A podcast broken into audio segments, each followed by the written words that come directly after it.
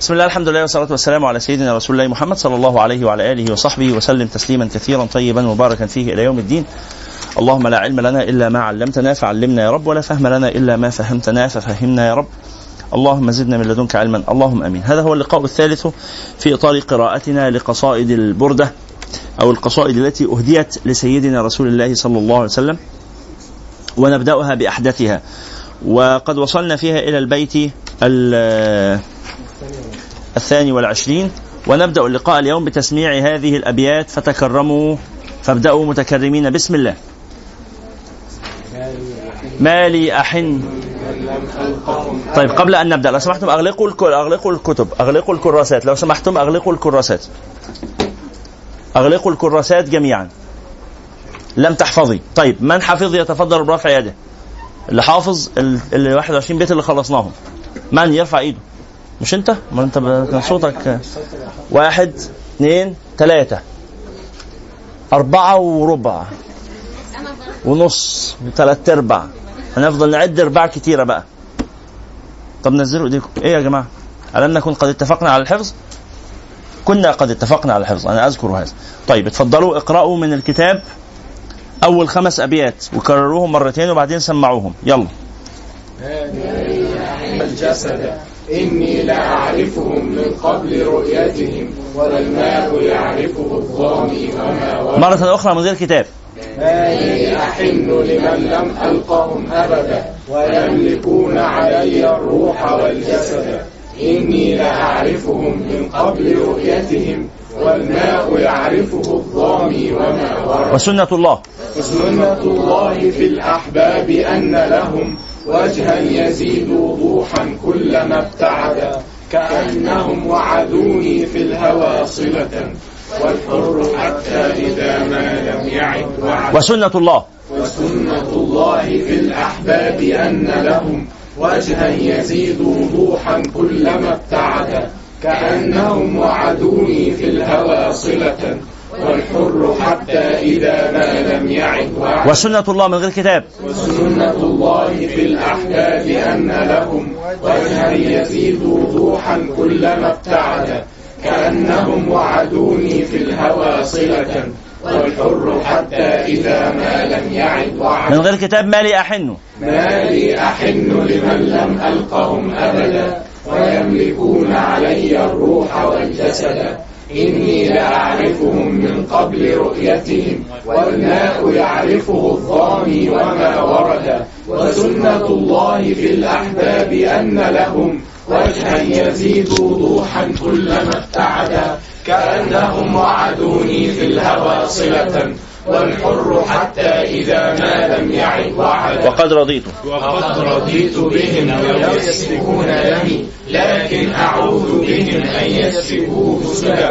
يفنى الفتى في حبيب لو دنا ونأى فكيف إن كان ينأى قبل أن يفي؟ كأنهم وعدوني. كأنهم وعدوني في الهوى صلة والحر حتى إذا ما لم يعد وعدا. وقد رضيت بهم لو يسفكون دمي. لكن أعوذ بهم أن يسفكوه سدى. وقد رضيت.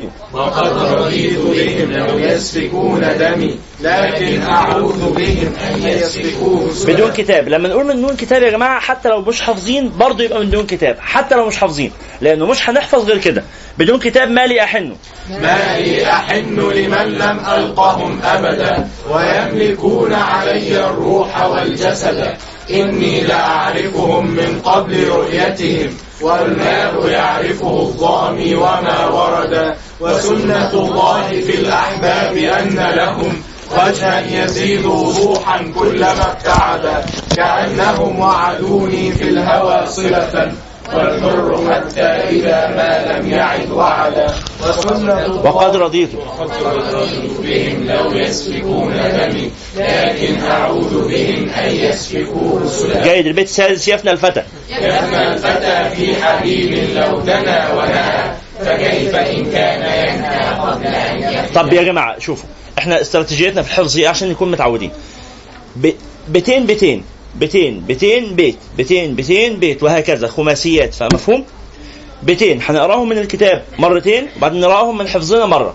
البيتين اللي بعدهم من الكتاب مرتين ومن حفظنا مرة. وبعدين البيت اللي بعده من الكتاب مرتين ومن حفظنا مرة ونجيب الخمسة على بعض. مفهوم هذا؟ واضح؟ يبقى اتنين اتنين واحد. كل اتنين هنعيدهم مرتين من الكتاب مرة من حفظنا وبعدين نجيب من الاثنين اللي بعدهم مرتين من الكتاب ومره مرة من حفظنا وبعدين الأربعة على بعض وبعدين البيت الخامس مرتين من الكتاب ومرة من حفظنا وبعدين الخمسة على بعض وبعدين ننتقل للخمسة اللي بعدهم الاستراتيجية دي مفهومة؟ نتعود عليها بقى. ولما نقول من الكتاب يبقى من الكتاب حتى لو أنت حافظ. من الكتاب يبقى من الكتاب حتى لو أنت حافظ. ومن غير كتاب يبقى من غير كتاب حتى لو مش حافظ. طب أنا حافظ ليه أبص في الكتاب؟ عشان أفضل فاكر شكل الإيه؟ الصفحة. طب أنا مش حافظ ليه ما أبصش في الكتاب؟ عشان مش هحفظ غير لو ضغطت على ذهني إنه يحفظ.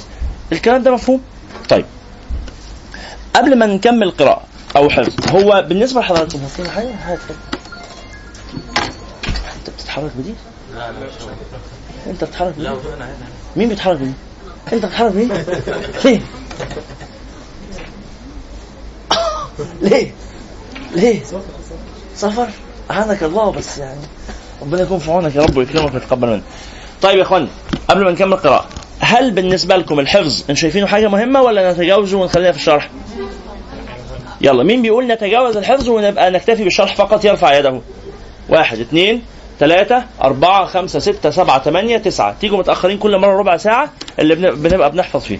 عشان ناخد وقت أكبر في الشرح نبقى نحفظ في البيت. زي ما أنتوا عملتوا النهارده كده ها؟ زي ما كان مستوى الحفظ النهارده مبهر الحقيقة. إيه؟ ندي النهارده فرصة لغاية المرة اللي جاية.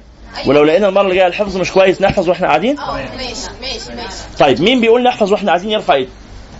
واحد اثنين ثلاثة أربعة خمسة ستة سبعة ثمانية تسعة عشرة 11 12 13 14 15 ومين بيقول نحفظ في البيت؟ واحد اثنين ثلاثة أربعة.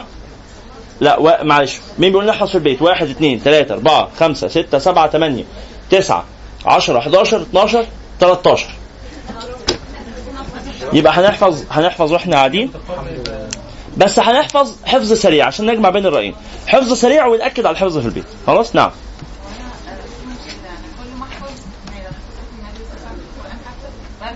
ما ده طبيعي. كلنا كده مش انت بس. كلنا كده. لا لا ما تيأسيش ولا حاجة. لما تكرري ال- ال- الجزء اللي انت بتحفظيه ده أو الفقرة اللي بتحفظيها دي كرريها 500 مرة. بعد 500 مرة مش تنسيها. ده وعد اذا كررتيها 500 مرة مش هتنسيها غير لما يعدي شهر. آه طبعا 500 مرة هتحفظيها لمدة شهر. يا جماعة ال- القدرة على الحفظ دي ملكة. زي عضلات الجسم كده. بنبدأ بكيلو بعد شوية كيلو ونص بعد شوية 2 كيلو وهكذا. هترددي 500 مرة. بعد شوية هتكتفي بانك ترددي 400 بس. بعد شوية تكتفي بترديد 200 بعد شوية تكتفي بترديد 50 مرة وهكذا. ده وضع طبيعي كلنا كده. كلنا كده. يلا يا جماعة مالي أحن من كتاب ألقهم أبدا ويملكون علي الروح والجسد. إني لأعرفهم من قبل رؤيتهم والماء يعرفه الظامي وما ورد. وسنة الله في الأحباب أن لهم وجها يزيد وضوحا كلما ابتعد. كأنهم وعدوني في الهوى صلة والحر حتى إذا ما لم يعد وعد. وقد رضيت بهم لو يسفكون دمي. لكن أعوذ بهم أن يسفكوه سدى. بيت سادس يا إحنا من الكتاب من الكتاب من الكتاب من الكتاب. الف... الخمسة اللي فاتوا كان من غير كتاب. حتى اللي مش حافظ ما يبصش في الكتاب. يلا دلوقتي من الكتاب. يفنى الفتى. فكيف إن كان ينأى قبل أن يفد؟ بل بعده قربه لا فرق بينهما. أزداد شوقا إليه غاب أو شهد يفنى الفتى فتى في حبيب لو دنا ونأى فكيف إن كان ينأى قبل أن يفد بل بعده قربه لا فرق بينهما. أزداد شوقا إليه غاب أو كمان مرة من الكتاب؟ فتى في حبيب لو دنا ونأى فكيف إن كان ينأى قبل أن يفد بل بعده قربه لا فرق بينهما. أزداد شوقا إليه غاب أو شهد. بدون كتاب يفنى الفتى. يفنى الفتى في حبيب لو دنا ونأى فكيف إن كان ينأى قبل أن يفد بل بعده قربه لا فرق بينهما. أزداد شوقا إليه غاب آخر مرة يفنى الفتى. يفنى الفتى في حبيب لو دنا ونأى فكيف إن كان ينهى قبل أن يفد بل بعده قربه لا فرق بينهما. أزداد شوقا إليه غاب أو شهد أمات نفسي. أمات نفسي وأحياها ليقتلها من بعد إحيائها لهوا بها وددا. وأنفذ الصبر مني ثم جدده. يا ليته لم يجدد منه ما نفي أمات نفسي. أمات نفسي وأحياها ليقتلها. من بعد إحيائها لهوا بها وددا وأنفذ الصبر مني ثم جدده.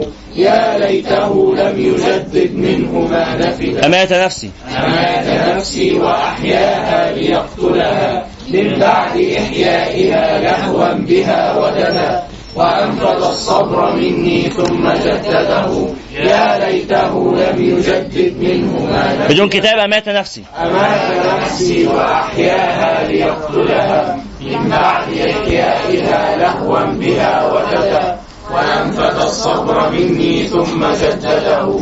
يا ليته لم يجدد منه ما بدون كتاب أمات نفسي. أمات نفسي وأحياها ليقتلها. من بعد إحيائها لهوا بها وجدا وأنفذ الصبر مني ثم جدده. يا ليته لم يجدد منه ما من دون كتاب يفنى الفتى. يفنى الفتى في حبيب لو دنا ولأى. فكيف إن كان ينهى قبل أن يفد بل بعده قربه لا فرق بينهما. أزداد شوقا إليه غاب أو شهد أمات نفسي وأحياها ليقتلها. من بعد إحيائها لهوا بها وددا. وأنفذ الصبر مني ثم جدده.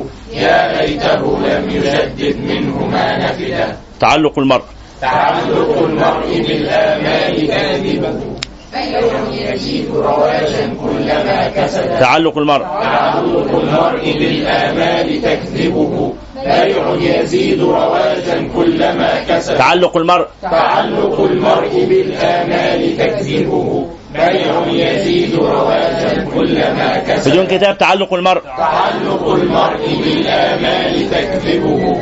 بيع يزيد رواجا كلما كسب. تفقد التشكيل. تعلق المرء. تعلق المرء بالآمال تكذبه. بيع يزيد رواجا كلما كسب. بدون كتاب بيفنى الفتى. يفنى الفتى في حبيب لو دنا ونأى فكيف إن كان ينهى قبل أن يفد؟ بل بعده قربه لا فرق بينهما. أزداد شوقا إليه غاب أو شهد. أمات نفسي وأحياها ليقتلها. من بعد إحيائها لهوا بها وددا. وأنفذ الصبر مني ثم جدده. يا ليته لم يجدد منه ما نفد تعلق المرء بالآمال تكذبه. بيع يزيد رواجا كلما كسب. ما لي أحن بدون كتاب. ما لي أحن لمن لم ألقهم أبدا. ويملكون علي الروح والجسد. إني لأعرفهم من قبل رؤيتهم والماء يعرفه الظامي وما ورد. وسنة الله في الأحباب أن لهم وجها يزيد وضوحا كلما ابتعد.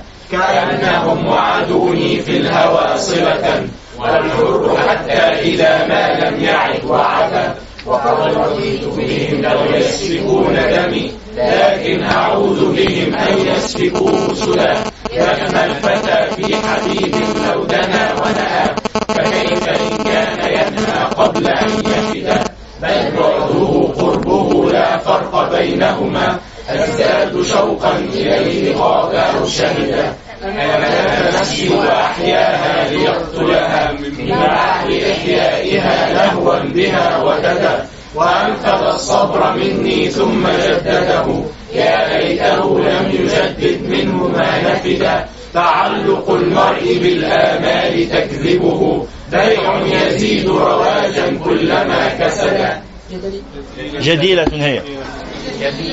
من الكتاب جديلة هي. جديدة هي من يأس ومن أمل خصمان ما اعتنقا إلا ليجتهدا يا لائمي هل أطاع الصب لائمه قبلي فأقبل منك اللوم واللددا جديرة هي. جليلة هي من يأس ومن أمل خصمان ما اعتنقا إلا ليجتهدا يا لائمي هل أطاع لائمه قبلي فأقبل منك اللوم جديرة هي. جليلة هي من يأس ومن أمل خصمان ما اعتنقا إلا ليجتهدا يا لائمي هل أطاع الصب لائمه قبلي فأقبل منك اللوم واللددا بدون كتاب جديرة هي. جميلة هي من يأس ومن أمل خصمان ما اعتنقا إلا ليجتهدا يا لائمي هل أطاع الصب لائمه قبلي. فأقبل منك اللوم واللددا بدون كتاب جديلة هي. جليلة هي من يأس ومن أمل. خصمان ما اعتنقا إلا ليجتهدا يا لائمي هل أطاع الصب لائمه قبلي؟ فأقبل منك اللوم واللددا يا آه، قل للقدامى. قل بالهدى عيون الظبي تأسرهم ما زال يفعل فينا الظبي ما عمدا لم يصرع الظبي من حسن به أسدا بل جاءه حسنه من صرعه الأسد قل للقدامى. قل للقدامى. عيون الظبي تأسرهم ما زال يفعل فينا الظبي ما عهدا لم يصرع الظبي من حسن به أسدا بل جاءه حسنه من صرعه الأسد. قل للقدامى. كل القدامى عيون الظبي تأسرهم ما زال يفعل فينا الظبي ما عهدا لم يصرع الظبي من حسن به أسدا. بل جاءه حسنه من صرعه الأسد. قل للقدامى. قل للقدامى عيون الظبي تأسرهم ما زال يفعل فينا الظبي ما عهدا لم يصرع الظبي من حسن به أسدا بل جاءه حسنه من صرعه بدون كتاب قل للقدامى. قل للقدامى عيون الظبي تأسرهم. ما زال يفعل فينا الظبي ما عهدا لم يصرع الظبي من حسن به أسدا بل جاءه حسنه من صرعه الأسد. قل للقدامى بدون كتاب. قل للقدامى عيون الظبي تأسرهم. ما زال يفعل فينا الظبي ما عهدا لم يصرع الظبي من حسن به أسدا. بل جاءه حسنه من صرعه الأسد. جديلة هي من غير كتاب. جليلة هي من يأس ومن أمل. خصمان ما اعتنقا إلا ليجتهدا يا لائمي هل أضاع الصب لائمه؟ قبلي فأقبل منك اللوم واللددا قل للقدامى عيون الظبي تأسرهم. ما زال يفعل فينا الظبي ما عهدا لم يصرع الظبي من حسن به أسدا بل جاءه حسنه من صرعه الأسد. وربما أسد. وربما أسد. وربما أسد. وربما أسد تبدو وداعته إذا رأى في الغزال العز والصيدا وربما. وربما أسد تبدو وداعته إذا رأى في الغزال العز وربما وربما أسد تبدو وداعته. إذا رأى في الغزال العز والصيدا وربما وربما أسد تبدو وداعته. إذا رأى في الغزال العز والصيد. وربما وربما أسد تبدو وداعته. إذا رأى في الغزال العز والصيد. آه بدون كتاب وربما. وربما أسد تبدو وداعته إذا رأى في الغزال العز والصيد. بدون كتاب تعلق آه جديرة هي. جليلة هي من يأس ومن أمل. خصمان ما اعتنقا إلا ليجتهدا يا لائمي هل أطاع الصب لائمه؟ قبلي فأقبل منك اللوم واللددا قل للقدامى عيون الظبي تأسرهم ما زال يفعل فينا الظبي ما عهدا لم يصرع الظبي من حسن به أسدا بل جاءه حسنه من صرعه الأسد.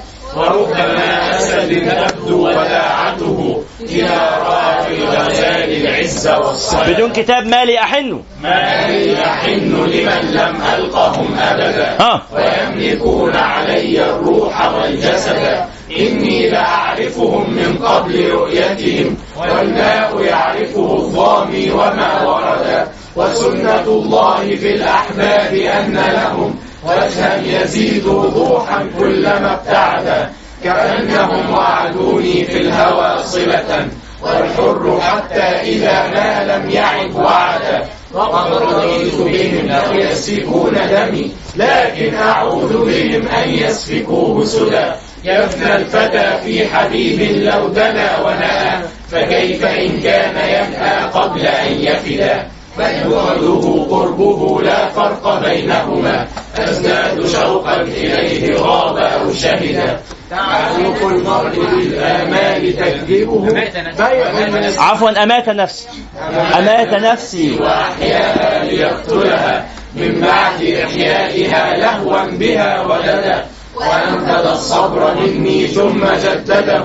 يا ليته لم يجدد منه ما عمل تعلق المرء بالآمال تكذبه. بيع يزيد رواجا كلما كسب. جميلة هي من يأس ومن أمل خصمان ما اعتنقا إلا ليجتهدا يا لائمي هل أطاع الصب لائمه قدري فأقبل منك اللوم واللددا كل الهدى مع عيون الظبي تأسرهم ما بال يفعل فينا الظبي ما عهدا لم يصرع الظبي من حسن به أسدا بل جاءه حسنه من صرعه الأسد وربما أسد تبدو وداعته إذا رأى في الغزال العز والصيد. لولا الهوى. لولا بقول إيه، لحظة. إحنا حفظنا ال 15 دول بيت؟ ال 15 بيت دول كويس. نكمل الباقي لوحدنا ولا دلوقتي؟ يلا مين بيقول نكمل الباقي لوحدنا يرفع إيده؟ واحد اثنين ثلاثة أربعة خمسة ستة سبعة ثمانية تسعة عشرة 11 12 13 14 15 16 17 18 19 20 ومين بيقول نكمل الباقي حفظ دلوقتي؟ واحد اثنين ثلاثة أو مش دلوقتي يعني المرة اللي جاية بس مع بعض يعني. واحد مين بيقول نكمل الحفظ المرة اللي جاية مع بعض واحد اثنين ثلاثة أربعة خمسة ستة سبعة ثمانية تسعة عشرة 11 12 13 الحفظ أساسي خلاص. طيب يا جماعة خلاص. ما اتفقنا عليه إنه حضراتكم المرة اللي جاية إن شاء الله لوحدكم هتكملوا حفظ بنفس الاستراتيجية دي. سهلة صح؟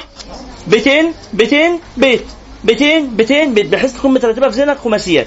هنكمل حفظ المرة الجاية لغاية ما هنوصل إلى شرحه اليوم إن شاء الله. طيب. قال هو انتقل من غرض الكلام عن الغزل كبداية طبيعية للقصائد العربية انتقل إلى معنى آخر من آه، آه، المعاني الشريفة على سبيل التخلص أو حسن التخلص من البداية التقليدية إلى الغرض الأصلي من القصيدة. فجعل واسطة بينهما وهي الكلام عن هوى النفس والتحذير منه. فخاطب نفسه وقال لها يا نفس كوني بداية الغرض أهو بداية التحول. يعني يمكننا أن نعنون هنا بعنوان فرعي. من أول قوله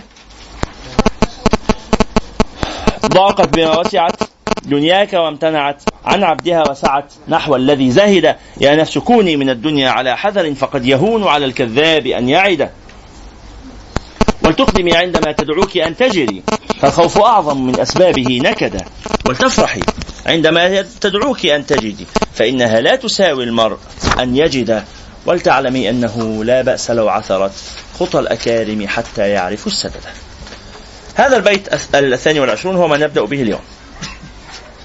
يخاطب نفسه ويخاطب النفس كل نفس ويقول لها إن من ضمن الوصايا التي ينبغي أن تلتفتي إليها أن الخطأ مقبول.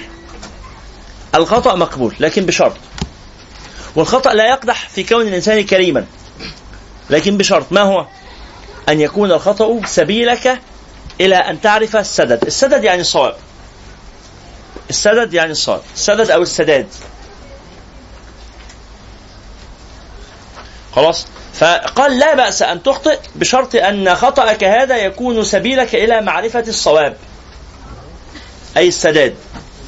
النبي عليه الصلاة والسلام يقول عباد الله سددوا وقاربوا. سددوا وقاربوا. وإيه بقى؟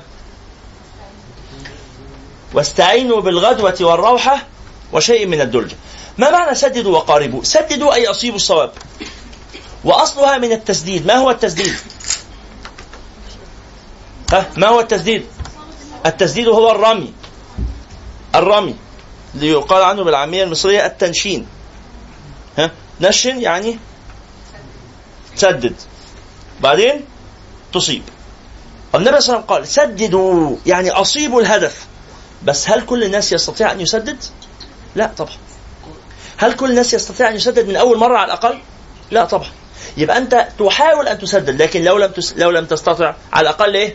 قاربوا يعني إذا لم تستطيعوا السداد التام فقاربوه وهذا ترخيص من النبي صلى الله عليه وسلم في عدم السداد ها ترخيص من من النبي صلى الله عليه وسلم في عدم السداد. لكن قاعدة ليس من طلب الحق فأصابه كمن طلب ليس من طلب الحق فأخطأه كمن طلب الباطل فأصابه. ليس هذه قاعدة مهمة جدا. ليس من طلب الحق فأخطأه كمن طلب الباطل فأصابه. لا يستويان. ادي الدوائر اهي لما بيجوا ينشنوا. صح؟ مطلوب إنك إيه؟ تصيب هذه النقطة. صحيح ولا إيه؟ هذا هو المطلوب. السداد أن يوفقك الله تعالى فتصيب هنا. طيب أنت حاولت تصيب هنا بس لما جيت أطلقت السهم غصب عنك جه هنا.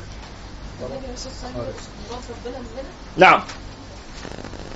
أنت أردت ماذا؟ أردت هنا فجاء سهمك هنا. وأما أخوك الذي إلى جوارك فاراد هنا من بادئ الأمر. أيكما أفضل حالا؟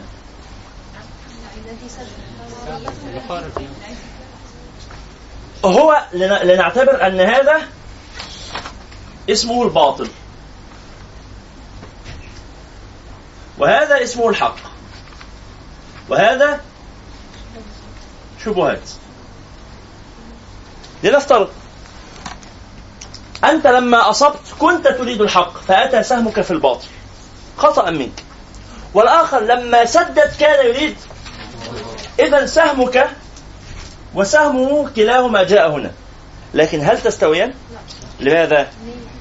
الفارق النية أنت في البداية كنت تريد الحق فأخطأت. لكن هو كان يريد الباطل. فلذلك ليس من طلب الحق فأخطأه كمن طلب الباطل فأصبح. نعم. لا طبعا أختها بتقول طب ورجل طلب الحق فأصابه ورجل طلب الحق فأخطأه. هل يستويان؟ طبعا لا يستويان. طبعا لا يستويان. من من طلب الحق فأصابه خير. ولذلك النبي صلى الله عليه وسلم قال إيه؟ إذا اجتهد الحاكم فأصاب فله أجر. وإذا اجتهد فأخطأ فله أجر. واصل هذا؟ يبقى عندي واحد. طلب طلب الحق فأصابه. ده أفضل الناس. أو طلب الحق فأخطأه أو طلب الباطل فأصابه. أو طلب الباطل فأخطأه محظوظ لكنه آثم. آثم. راح عند الحق. بسم الله يلا ما هذا؟ ماء جه جيت أنا بعتقد إن ده خمر. هذا خمر. تقول لا يا ناس دي مية. أقول لك لا دي خمر أهو. يلا خمر. بسم الله. أنا بحب أسمي قبل الخمر عشان يبقى على السنة. عشان الخمر يبقى فيها بركة. خلاص بقى أصلا بشتري أنا فقير بشتري مية قليل خمر قليل. فلازم ربنا يبارك لي فيه عشان أشرب كتير. الشاهد وعلى ثلاث مرات. الآن لما أقدمت على شرب هذا الشيء وأنا أعتقد أنه خمر. وهو في الحقيقة ماء. أثمت ولا أجرت؟ أثمت. رغم أني شربت مية. شربت مية. لأني طلبت الباطل فأخطأت. أنا آثم كذلك ها؟ للإثم للنية. لنية الإقدام على الباطل. من هم بسيئة فلم يعملها أي فانصرف عنها. قرر أن ينصرف عنها مش منعته عنها ظروف. يعني واحد حرامي رايح يسرق وبعدين راح يلا خلاص عملنا كل السيئات واقف راقب واقف راقب دخلت. فتحت الخزنة بص لقيتها فاضية. قدر الله ما شاء فعل. خلاص. لم يكتب لي. أنا ما سرقتش. يا رب اكتبها لي حسنة يا رب. أنا هممت بالسيئة فلم أسرق. ده كده إيه؟ آثم طبعا صح ولا إيه؟ طيب يلا نكمل القراءة بقية الحديث آه، أوله إيه أصلا؟ ده أوله ما أمرتكم به. لا لا استغفر الله لا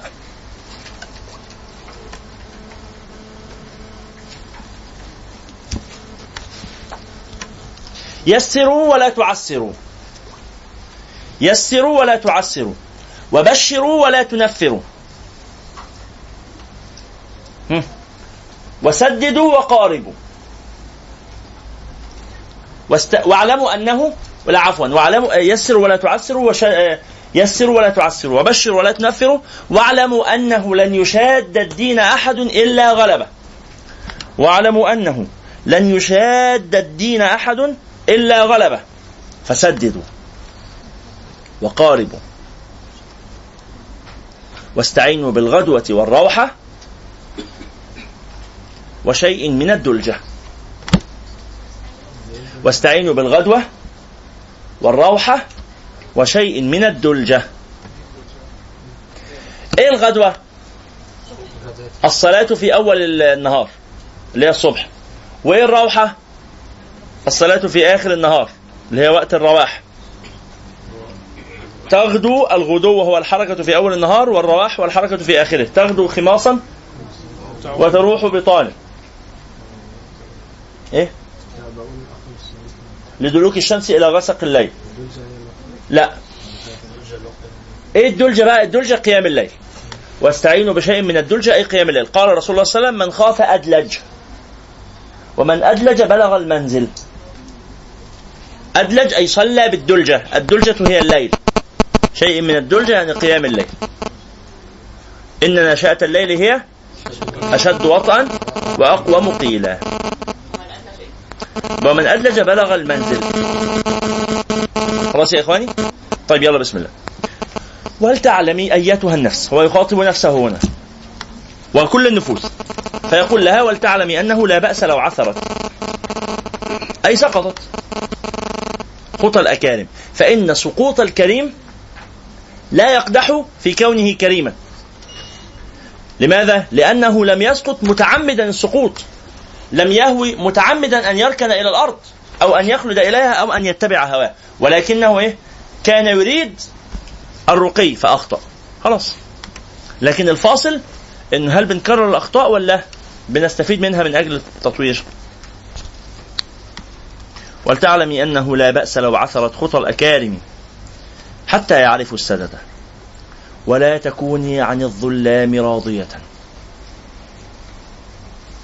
الظلام جمع ظالم. إياك أن ترضى عن الظلم.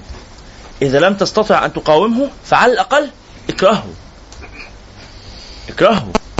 قال رسول الله صلى الله عليه وسلم من رأى منكم منكرا فليغيره. لازم تغيره. طب أنا مش قادر يا رب. خلاص يبقى بلسانك بس. اتكلم. طب أنا مش قادر يا رب خلاص يبقى بقلبك. طيب كيف يسمى أو هل يسمى التغيير بالقلب تغييرا؟ تعال هنا يا أخي في مكان. تعال في مكان؟ طيب لحظة واحدة. هل يسمى التغيير بالقلب تغييرا؟ يعني واحد بقلبه كده. أين التغيير في هذا؟ النبي قال بقلبه. هو مش هيكون عشان المشاعر هينبني عليها أفعال.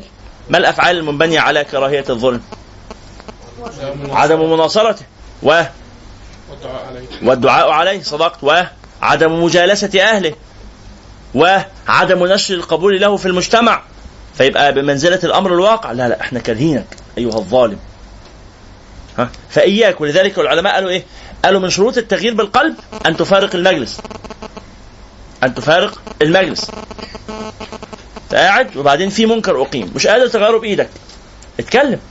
طب مش قادر تتكلم وخايف على نفسك قوم امشي. قوم امشي. لكن ما تبقاش قاعد بتخالط أهل المنكر وتقول والله أنا بغيره بقلبي. لا ما في ما حصلش. ما حصلش. زور وبهتان ولا تكوني عن الظلام راضية. ال- جاء في الحديث من رضي أو من دعا لظالم من دعا لظالم بالبقاء فقد أحب أن يعصى الله تعالى في أرضه. من دعا لظالم إنك تقول له ربنا يطول عمرك ولا ربنا يديك الصحة ولا ربنا يخليك. قول له ربنا ياخدك طب مش عارف؟ اسكت. اسكت. لكن تدعي له؟ لا. من دعا لظالم بالبقاء فقد أحب أن يعصى الله في الأرض. يعني أنت خلاص ما عندكش مشكلة أن يستمر العصيان بقى.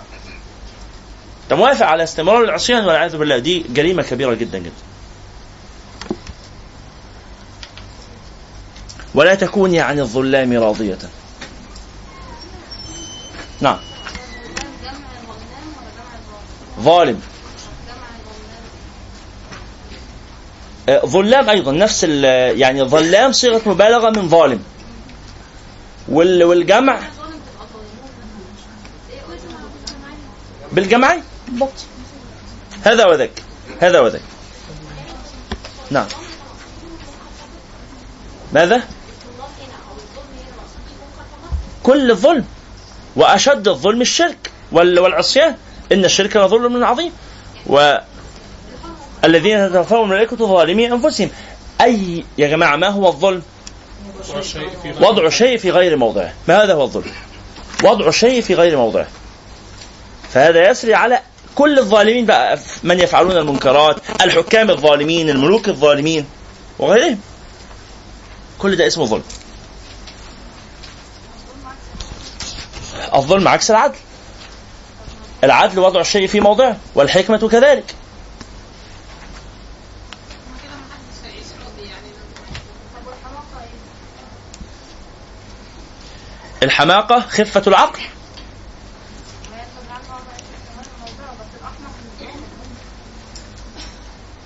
لا بس ما إحنا بنقول الحماقة خفة العقل مش تعمد وضع الشيء في غير موضعه الحماقة هي خفة العقل لكن الظلم تعمد وضع الشيء في غير موضعه الظلم هو وضع شيء في غير موضعه شوفوا يا جماعة خدوا بالكم من حاجة. ال- وده فرق بين العرب والأرسطيين أو ال- المناطق. العرب بيفهموا المعنى الإجمالي ما بيحكحكوش في إيه؟ إن لازم تحط تعريف جامع مانع. إنك تحط تعريف جامع مانع دي طريقة المناطق مش طريقة العرب. فاهمين المعنى؟ فإحنا عارفين إن كلمة الحماقة لا تساوي الظلم وعارفين يعني إيه ظلم مش لازم نحط تعريف جامع مانع للظلم. فهمتم؟ خلاص. بل أصلا العرب بتقول إن مفيش حاجة اسمها تعريف جامع مانع. كل حاجة بتتعاور آه بالظبط. كل حاجة بتت... يعني بت- تدخل في بعضها تتعاور يعني. تشترك في أشياء وتختلف في أشياء تتحد المجالات الدلاليه أحيانا وتختلف أحيانا. في مساحة سعة. في مساحة سعة. لكن تعريف جامع مانع بطريقه الايه اليونان. لا بنقول أهو الظلم هو وضع الشيء في غير موضعه. تعمد وضع الشيء في غير موضعه. هو ده الظلم. يلا بسم الله. ولا تكوني أيتها النفس ولا تكوني عن الظلام راضية.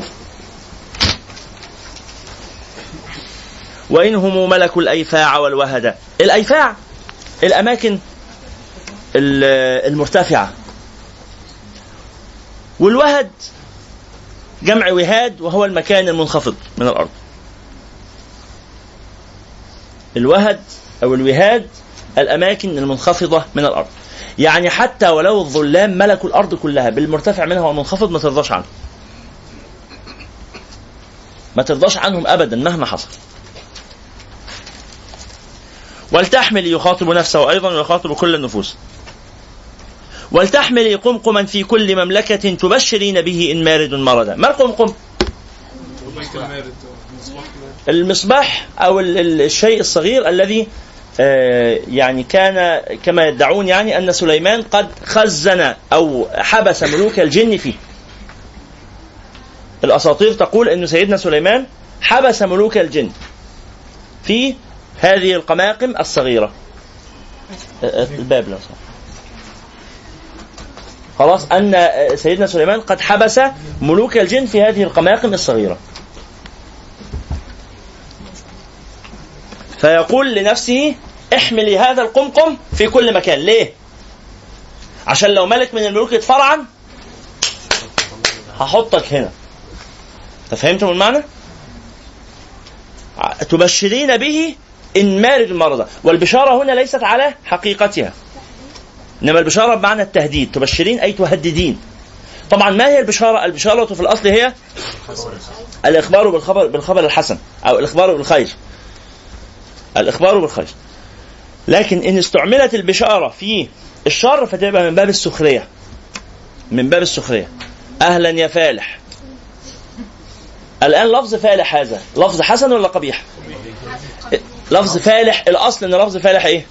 هذا إنسان فالح حي على الفلاح لكن قالك أهلا يا فالح ألا تفهم من هذه الكلمة السخرية؟ صح ولا إيه؟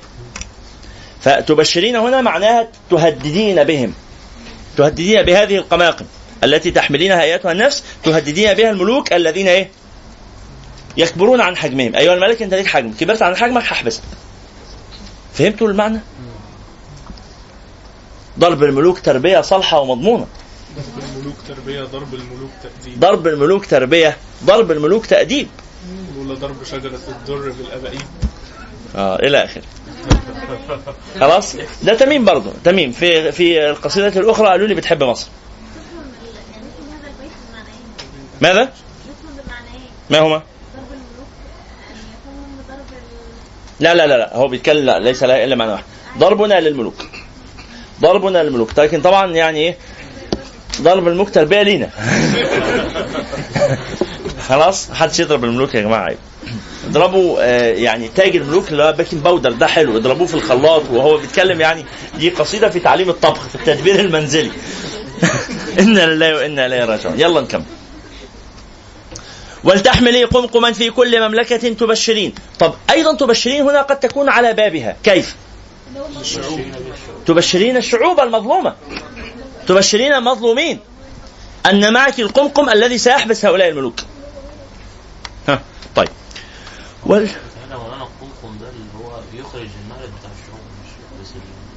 لا. القمقم المحب... محبس الم... حتى لذلك بعدها قال إن مارد مرض طب ما المهلك اللي هو الشعوب لا. لا. والله يعني آه يحيى قال قال المعنى قلب الدنيا ممكن. معنى محتمل وقلب الدنيا. يقول إنه ممكن يكون المعنى أن القمقم الذي تحمله هو القمقم اللي الشعوب محبوسة فيه. فالمارد الذي آه، ستحرره وتخرجه من قمقمه هو الشعب. وارد. لكن قال بعدها مرد. فأنت تحمل القمقم إذا مرد المارد. مش لتمرد المارد أو ممكن يكون إيه المهلك المرض ده؟ تبشرين به ال- يعني جواب الشرط اللي هو لا. لا. مرض يستبعد الاحتمال اللي قلته وإن كان احتمالا جميلا. يعني إيه مرض؟ أي طغى وتجبر وزاد عن حجمه كبر. هو لو طغى وتجبر مثلا شعوبه هتتضايق منه كده والمشهور ده شعوب أرجو أن اتحدث الفصحى. لو المر لو لو أن لو أن المارد مرض. ها؟ الشعوب؟ فإن الشعوب سوف تغضب على الحاكم صدقت؟ لا لا. ما هو أه... أختي الكريمة يقول إن المارد أي الحاكم إن مرض أي طغى وتجبر فاحملي أيتها النفس قمقما تهددين بها به هذا الحاكم أنك ستحبسينه. هذا هو المطلوب. طيب. ثم قال ولتذكري أيتها النفس ولتذكري نسبا في الله يجمعنا بسادة. ملأ الدنيا عليك ندى. يعني يا أيتها النفس أنت عزيزة. يا أيتها النفس التي أصيبت الآن بالذلة وأصيبت بال... بالحصار وأصيبت وأصيبت أنت عزيزة. فاذكري نسبا في الله يجمعنا بسادة. تذكري أنك من أبناء الملوك الكبار العظام. هل فهمتم هذا؟ تذكر أنك ابن الفاتحين. لا ترضى الضيم ولا ترضى المذلة. ولتذكري آيتها النفس ولتذكري نسبا في الله يجمعنا بسادة. ملأ الدنيا عليك ندى. ندى ما معنى ندى؟ ندى هو الخير. بسادة ملأ الدنيا خيرا عليك أيتها النفس. فأنت لست سليلة لئام أو أو ظلمة. هؤلاء السادة فدى لهم كل سلطان وسلطنة ونحن لو قبلونا أن نكون فدى يعني نحن هؤلاء السادة نفديهم بكل شيء. نفديهم بالسلاطين ونفديهم بال بال بالممالك ماذا؟ تحدثوا الفصحى تكرم لا نسبا في الله النسب في الله يا إخواني آل رسول الله صلى الله عليه وسلم نوعان. نوعان. آل أقربون وآل مائلون. الآل الأقربون هم بنو هاشم وبنو المطلب. والآل المائلون هم كل مسلم. مرة أخرى لرسول الله آلان أهلان. آل أو آل أقربون وآل أو أهل مائلون. فالآل المائلون هم كل مسلم. ولذلك قال رسول الله صلى الله عليه وسلم سلمان منا آل البيت. بأني معنى الآل المائلين نعم.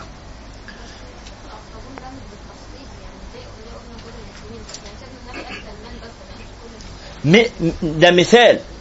مش بس سلمان. لا لا. ده رفعة لشأن سلمان لكن هذا يشمل الآخرين جميعا. ولذلك لما نصلي على آل محمد نصلي على كل المسلمين. نعم. هذا هذا كلام الإمام الشافعي رضي الله تعالى عنه. طبعا إلى الآن طبعا. هم آل سيدنا رسول الله. يلا فدا لهم هؤلاء السادة الكرام فدا لهم كل سلطان أو فدا لهم كل سلطان وسلطنة. ونحن لو قبلونا يعني إحنا لا, لا نستحق هذا الشرف. لا نستحق شرف أن نفدي هؤلاء السادة الكرام. لكن لو قبلوا منا أن نكون فداء لهم يعني ده هيبقى أعظم شرف لينا من هم هؤلاء السادة؟ هم النبي وآل البيت والشهداء. فهمتم هذا؟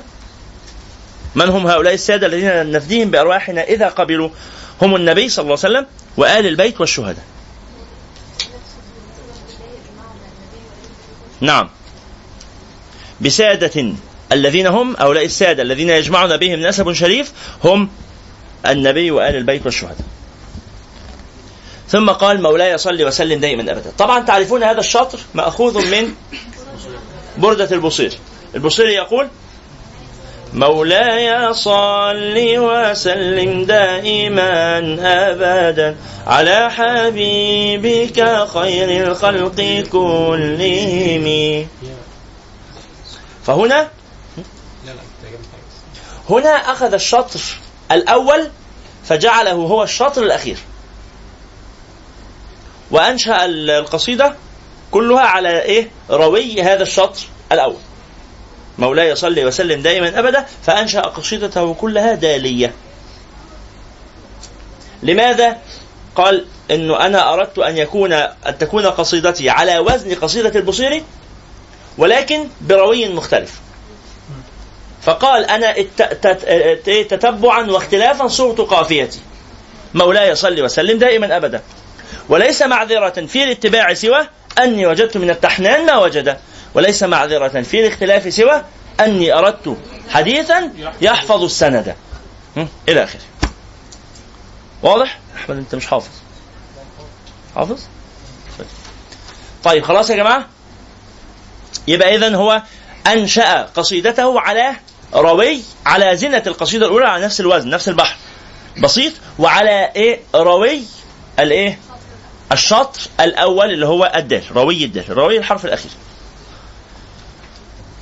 ثم قال إني لأرجو بمدحي أن أنال غدا منه الشجاعة يوم الخوف والمدد والمدد المدد معطوفة على ماذا؟ على الشجاعة ولا على الخوف؟ على الشجاعة يعني يقول أنا أريد يوم الخوف أن أنال الشجاعة والمدد إني لأرجو بمدح يعني لماذا تمدح يا أيها الشاعر قال أنا إنما أمدح لأجل أني أريد الشجاعة أنا لا أمدح إلا لأني أريد الشجاعة ما المقصود بالشجاعة؟ يقول أنا هدفي من المدح أن يرتبط أن أرتبط نفسيا برسول الله حتى إذا ما كانت ساعة القتال والحرب استطعت أن أثبت في الحرب. طب ليه؟ الناس الطبيعي أنهم يسألون الله آه، لما يفكروا في رسول الله يقولوا اللهم اجعله شفيعنا ها؟ فقال أرجو الشجاعة من قبل الشفاعة. أنا الأهم عندي الشجاعة. ما بسألش الشفاعة غير بعد ما أسأل الشجاعة. ليه؟ بهذه اليوم أرجو نيل تلك غدا أنا إذا كنت اليوم من أهل الشجاعة أرجو أن أكون يوم القيامة من أهل الشفاعة. فهمتم؟ فهو يطلب مقدمات الشفاعة أو موجبات الشفاعة.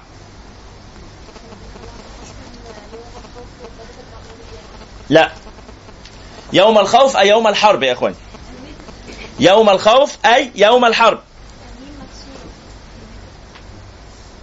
آه، خطأ طبعا خطأ. المدد عندكم ميم مكسورة خطأ طبعا المدد. إني لأرجو بمدحي يعني أنا هدفي من المدح أن أكتسب قوة نفسية أستطيع بها أن أكون شجاعا يوم الحرب. ها فهمتم المعنى؟ من ذكر للرسول الله هكتسب الشجاعة. طبعا. لا لا إزاي؟ شوفوا يا جماعة. فتشبهوا إن لم تكونوا مثلهم إن التشبه بالكرام فلاح. الإنسان لما يتكلم عن حد كتير بيتشبه به فرسول الله صلى الله عليه وسلم أشجع الشجعان صلى الله عليه وعلى آله. فلما نتكلم عنه كتير نكتسب من شجاعته صلى الله عليه وسلم. فقال أنا هدفي من المدح ليس كهدف المادحين. فإن المادحين قبلي مدحوا لأجل أنهم يريدون الإيه؟ الشفاعة. أما أنا فأمدح لأني أريد الشجاعة. طب ليه؟ لأن الزمان الذي نحن فيه نحتاج فيه إلى هذه الشجاعة. فقال بعدها أرجو الشجاعة من قبل الشفاعة. إذ بهذه اليوم هذه اللي هي إيه؟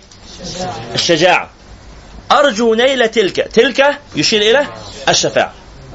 بالشجاعة أرجو أن أكون من أهل الشفاعة. إن كنت شجاعا كان في حد هنا؟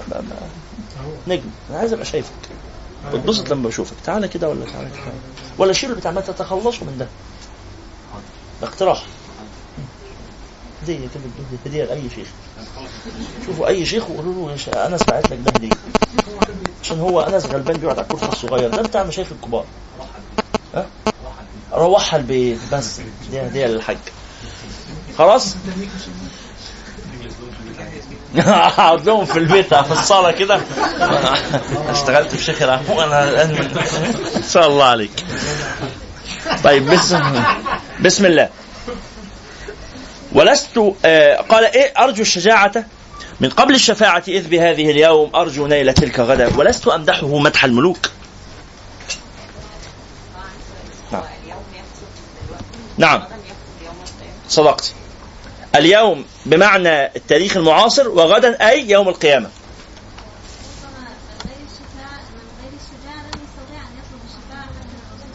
صدقت هو لو لم يكن شجاعا لما أصلا تشجع أن يطلب الشفاعة من رسول الله. فإن طلب الشفاعة هو في حد ذاته يحتاج إلى قدر من الشجاعة. صدقت. ولست أمدحه. لأنه الإنسان لو مش شجاع مش هيطلب. يعني يعني أحد الملوك معدي مين اللي هيقوم يطلب منه طلبات؟ الانسان الشجاع. صح ولا إيه؟ لأنه لو واحد غير شجاع هيخاف ويتكسف. زار صديقي حسن زار الرئيس المؤتمن بعض ولايات الوطن. وحين زار حينا قال لنا هاتوا شكاواكم بصدق في العلن ولا تخافوا أحدا فقد مضى ذاك الزمن فقد مضى ذاك الزمن. قام صديقي حسن فقال يا سيدي يا سيدي أين الرغيف واللبن؟ وأين تأمين السكن؟ وأين من يوفر الدواء للفقير دون ما ثمن؟ معذرة يا سيدي لم نرى من ذلك شيئا.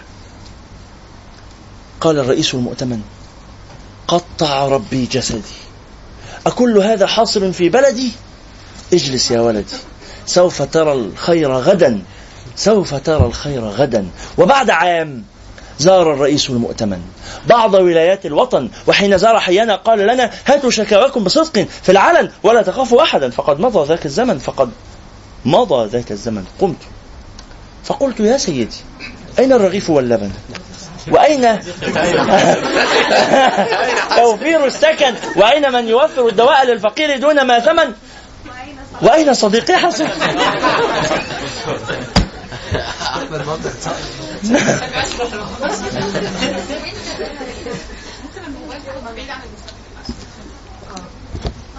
خلاص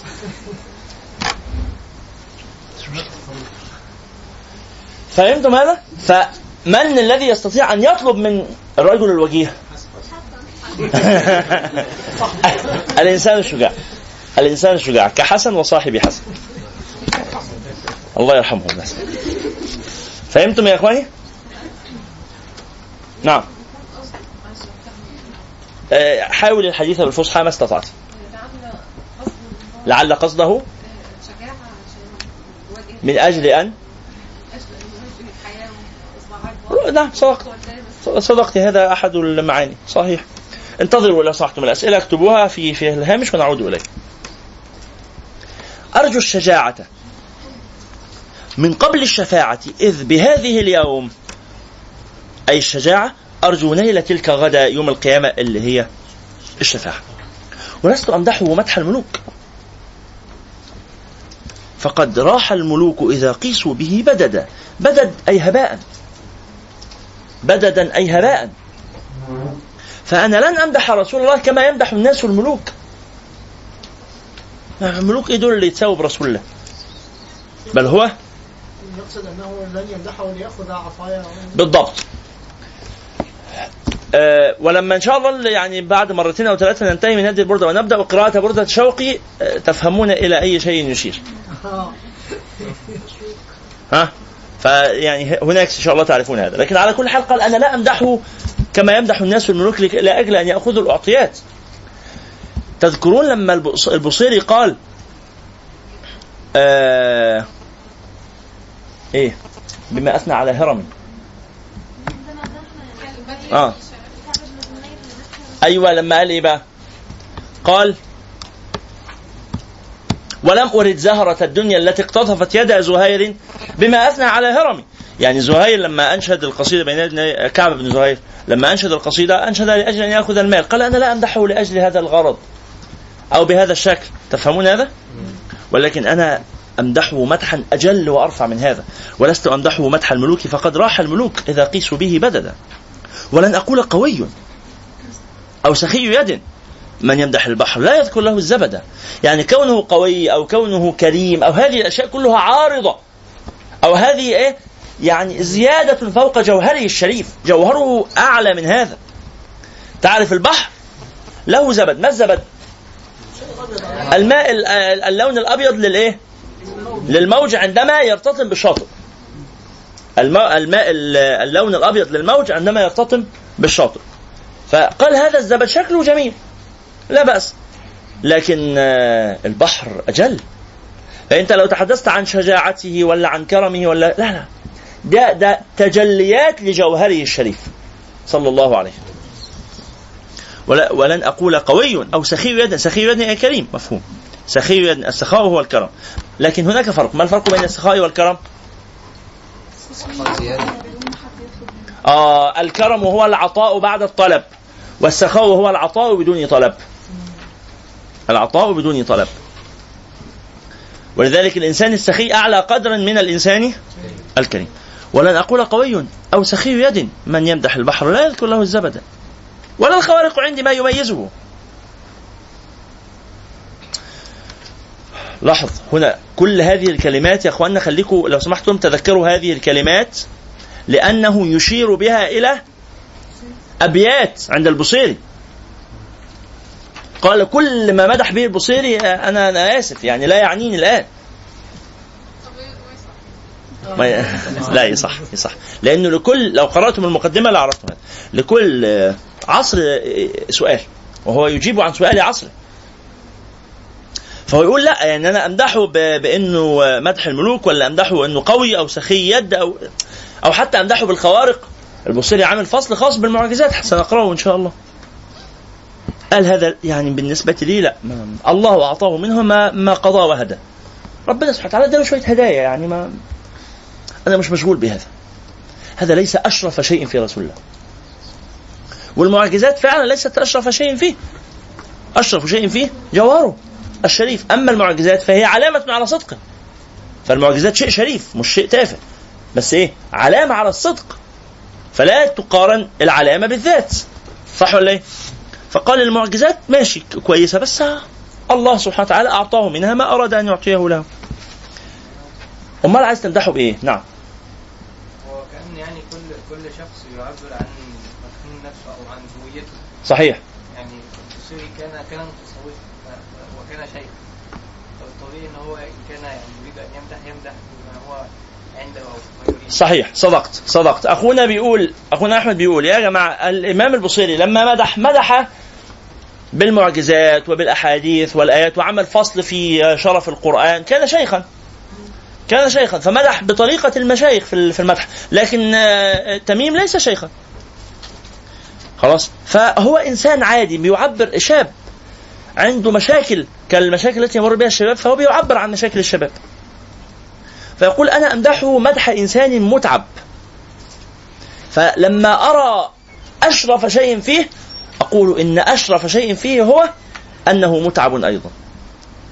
فهمتم المعنى؟ واضح؟ لما أنا ما آه، لما يجي إنسان مثلا يقول إيه الرئيس الفلاني ده أو الملك ده أو الوزير ده أو كده يا عم ده كفاية إنه من بلدي. ده كفاية إنه مثلا من الجمالية ده كفاية إنه من الدقهلية ده كفاية انه من القليوبيه مثلا يعني. خلاص؟ في النهاية هو ماذا يفعل؟ أنت ترى وجه الشبه أو ده متخرج من كلية الهندسة. واحد مننا. صدقت. فقال ولا الخوارق عندي ما يميزه الله أهداه منها. ما قضى وهدى لكن بما بان في عينيه من تعب. أراد إخفاءه عن قومه فبدأ بدأ أي ظهر. يعني أنا في الحقيقة إذا كنت سأمدحه سأمدحه بتعبه بمجهوده. هذا التعب الذي أراد أن يخفيه فلم يستطع.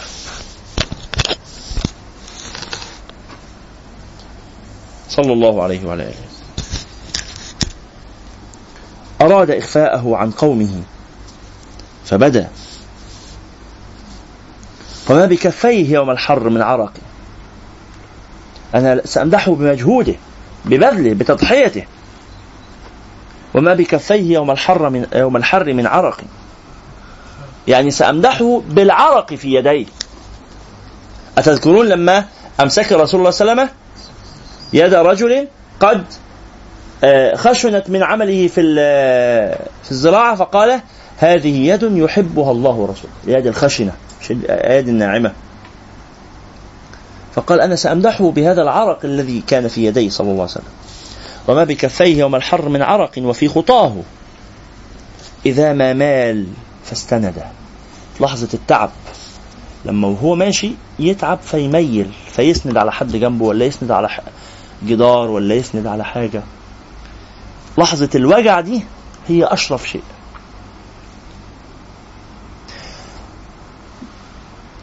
يعني الحقيقة أنه آه، الحياة جمالها في التعب.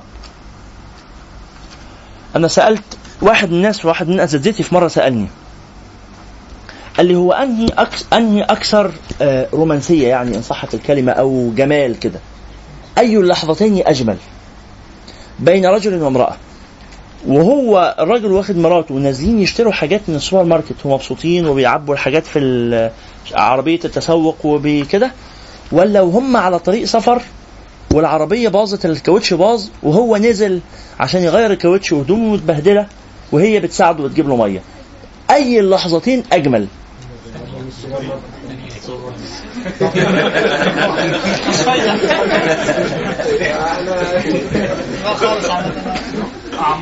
طيب السؤال للإخوة. أو سؤال للجميع. مين شايف أن لحظة السوبر ماركت أجمل وأفضل وأعمق اثرا في القلب. اللي شايف كده يرفع ايده ماشي. اللي شايف إنها أعمق اثرا في القلب أكثر يعني تؤدي إلى مزيد من الانسجام بينهما. يرفع إيده لو آه آه. ما هو ده المقصود ده المقصود. اللي تؤدي إلى مزيد من الانسجام بينهما. مين شايف إن راس السوبر ماركت أقوى في هذا؟ مفيش مشكلة يا جماعة. واحد اثنين فقط. مين شايف إن اللحظة الثانية هي الأقوى؟ الجميع. الجميع ما عدا الاثنين دول. الاثنين دول روحوا السوبر ماركت وإحنا حنا إحنا هنعطل بالعربي. طيب بالتأكيد إحنا لما مش هنعطل قاصدين. مش هنعطل قاصدين. لكن لو حصل هذه المواقف في الحياة هي التي تعمق المحبة. فاكرين لما في المرتين اللي فاتوا لما اتكلمنا عن المعاني اللي أنتم ما كنتوش مبسوطين بيها دي؟ رغم انها حقيقة يعني. لكن لكن معلش أنا كان في فيديو حد بعته لي ونسيت أنزله في المجموعة. هنزله إن شاء الله بي كان بيشرح الفيديو لامرأة يعني أظنها إنجليزية أو شيء من هذا القبيل تشرح المعنى اللي كنا بنتكلم فيه ده شرح جيد جدا هحطه لحضراتكم إن شاء الله. لكن بجملة هذا أو بجمله آه آه كان إيه بنقول؟ آه فبنقول يا اخوانا إنه القصائد اللي بيقولوها الشعراء كلهم في المدح بتاع هذا مدح من لم يعرفوه. ليه؟ لأن ده مدح غزل. أنتوا فاكرين اللي كنا بنتكلم عنه؟ اللي هو إن الشعراء ما لهمش في الجواز. فكانت هي دي المسألة. الحب ملوش علاقة بالجواز. خلاص. ليه؟ باختصار لأن الشعراء يتحدثون عن خيال غير حقيقي. إنما ال- الأزواج يعرفون المرأة على حقيقتها. والمرأة تعرف زوجها على حقيقته. صح ولا إيه؟ هو الزوج قبل ما يبقى زوج هل تستطيع المرأة أن تعرف الرجل على حقيقته إلا إذا تزوجته؟ وبعد الزواج بفترة كمان بعد الزواج بشهرين وبثلاثه وبخمسة وبعشرة يروح بقى التصنع وهي بقى يروح مكياجها وتروح المسكرة ويروح البتاع وهو يروح بقى إيه بطنه اللي كان شفطه وبتاع يظهر كرشه.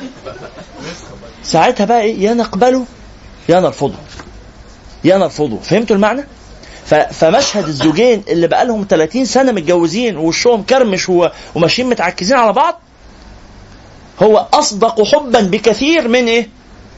الاثنين اللي الهبل اللي قاعدين في الجامعة وعمال يقول لها عينيكي وتقول له آه، نضارتك.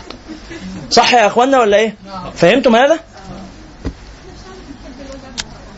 يعني الله المستعان. فهو يقول أنا أنا أمدحه في الحقيقة بمعاني الإنسانية والحقيقة يا إخوانا. أنا لو هحط عنوان لهذه القصيدة لبرد التميم فهي يعني آه، قصيدة إنسانية في المقام الأول. يعبر عن وجع الإنسانية في هذا الجيل. أوجاع إنسانية فيقول لكن بما بان في عينيه من تعب أراد إخفاءه عن قومه فبدأ وما بكفيه الصوت لصوت وما بكفيه يوم الحر من عرق وفي خطاه إذا ما مال فاستندا بما تحير في أمرين أمته وقف على أي أمر منهما اعتمد. يعني لما قعد يفكر في الأمة بما تحير في أمرين أمته يعني لما انشغل في بأحوال الأمة ما الذي سيحدث لها بعد موته؟ لما انشغل بأحوال الأمة وهو في حياته أي قرار يتخذ يكون فيه مصلحتها. هل نخرج للغزو ولا نقعد هنا؟ فاكرين هذه اللحظة؟ يوم الإيه؟ أحد. في غزوة أحد. هل نخرج لقتال العدو ولا نبقى في المدينة؟ متحير. هو لماذا يتحير صلى الله عليه وسلم؟ يتحير عشان مصلحة الأمة. فيقول أنا أمدحه بهذه الحيرة. أنا أمدحه بهذا الذي يظنه الناس ضعفا وهو في الحقيقة قوة. فهمتم المعنى؟ هذا يشبه ماذا؟ معلش نفس مثال السوبر ماركت وال- والعربية البيضاء آه، النبي صلى الله عليه وعلى آله وصحبه وسلم يقول هو بالمناسبة قطعا العربية البيضاء يعني ده, ده ما فيش فيها شك يعني. الذي يجعل العلاقة أقوى بالاعتذار طبعا للشخصين اللي اختاروا اختيار السوبر ماركت لكن الذي يجعل العلاقة أقوى ليس هي اللحظات السهلة إنما اللحظات الصعبة ده قطعا آه، النبي صلى الله عليه وسلم يقول سبق درهم مئة ألف درهم يعني ربما إنسان يتصدق بجنيه وياخد عليه ثواب أكثر من ثواب إنسان تصدق بمليون جنيه كيف هذا؟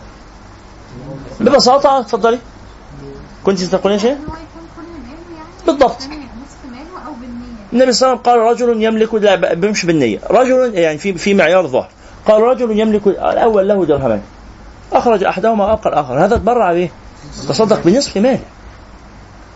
والآخر رجل له مال كثير. عنده ملايين. خمسين مليون. نتبرع بمليون. يبقى ده إيه؟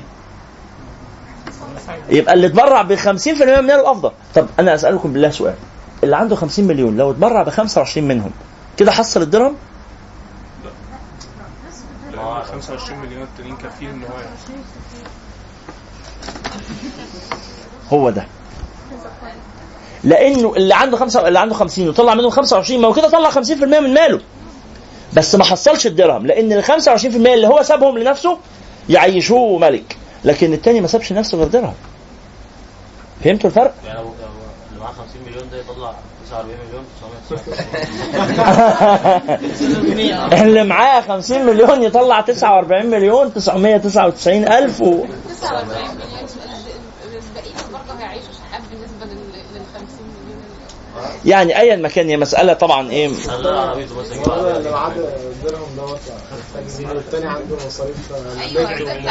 خلاص إيه مفهوم مفهوم. صعب عليا الراجل الغني. بس على كل حال لحظة واحدة لحظة واحدة خلاص يا إخوان صلوا على رسول الله. يبقى اذا المسألة إيه؟ إنه أنا هذا الإنسان الذي جاء فأعطاني كل ماله. فاكرين القاعدة التربوية؟ خذ من ال لا. خذ من الغني وقته ومن الفقير ماله. دي قاعدة في التربية. خذ من الغني وقته ومن الفقير ماله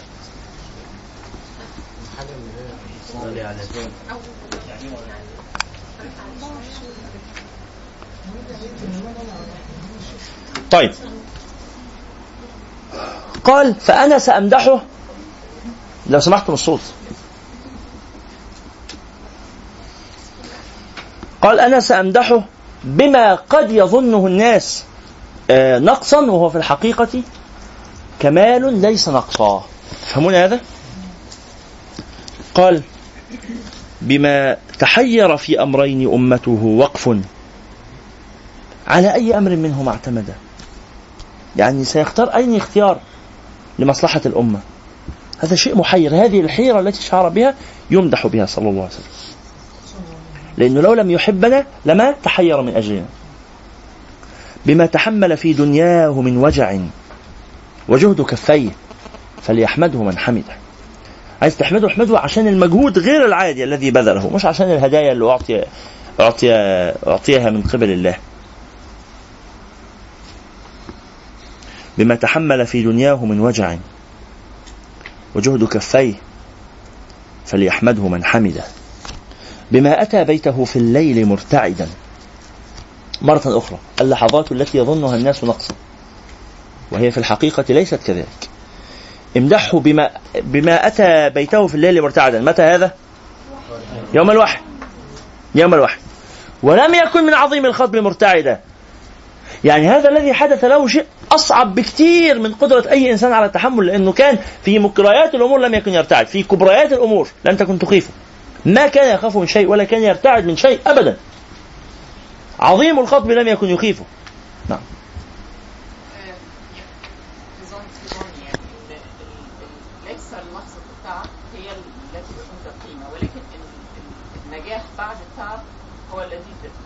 بل كلاهما.